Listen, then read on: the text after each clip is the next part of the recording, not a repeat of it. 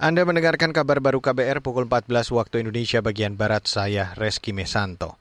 Saudara Presiden Joko Widodo menyebut tokoh-tokoh yang memiliki perbedaan suku, bahasa, dan agama menjadi bagian penting untuk mensukseskan berbagai program pembangunan pemerintah. Kata dia, gotong royong lintas pemeluk agama juga menjadi kebanggaan Indonesia. Jokowi mendorong para tokoh agama bekerja sama meningkatkan peran agama menyelesaikan masalah-masalah dunia. Juga sangat penting adalah kita tokoh agama dari berbagai agama dan dari berbagai negara harus bekerja sama. Bekerja sama untuk meningkatkan kontribusi agama dalam menyelesaikan masalah-masalah dunia, untuk mengurangi rivalitas dan menghentikan perang, demi dunia yang damai, dunia yang bersatu, dunia yang bekerja sama, untuk mewariskan kebaikan bagi generasi mendatang. Jokowi menambahkan keberhasilan yang dicapai Indonesia saat ini juga berkat kontribusi tokoh agama dan rumah-rumah ibadah yang menjadi pusat literasi bagi masyarakat.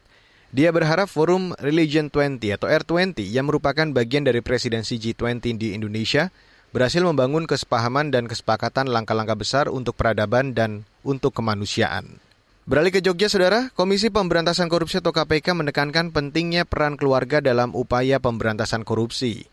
Ini disampaikan Direktur Pembinaan Peran Serta Masyarakat KPKRI, Kumbul Kusdiwianto, Sujadi, saat membuka bimbingan teknis keluarga berintegritas di Yogyakarta hari ini. Nah tentunya ini menjadi perhatian kita sehingga kenapa kok keluarga itu penting. Karena kalau kita ingin memberantas korupsi, yang pertama tentunya dari diri sendiri. Kemudian lingkungan terkecil adalah keluarga.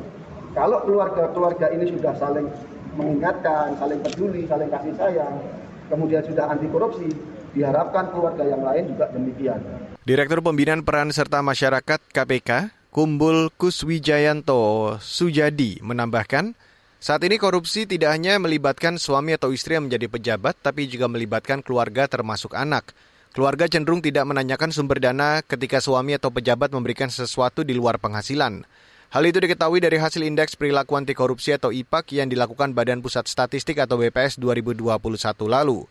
Sementara hasil survei KPK menyebut hanya 6 persen keluarga yang menanamkan nilai integritas kepada anak sejak dini.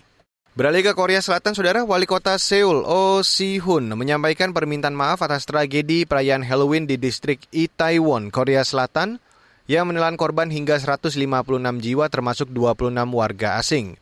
Seperti dikutip Yonhap, Oh Si-hun menangis saat menyampaikan permintaan maafnya itu ketika sidak ke lokasi kejadian di Itaewon. Pemerintah kata dia akan bertanggung jawab hingga keluarga korban dan warga yang berduka bisa kembali ke hidup normal seperti sebelumnya. Pemkot Seoul juga akan berupaya menghapus bahaya kecelakaan di tempat umum atau tempat banyak orang berkumpul.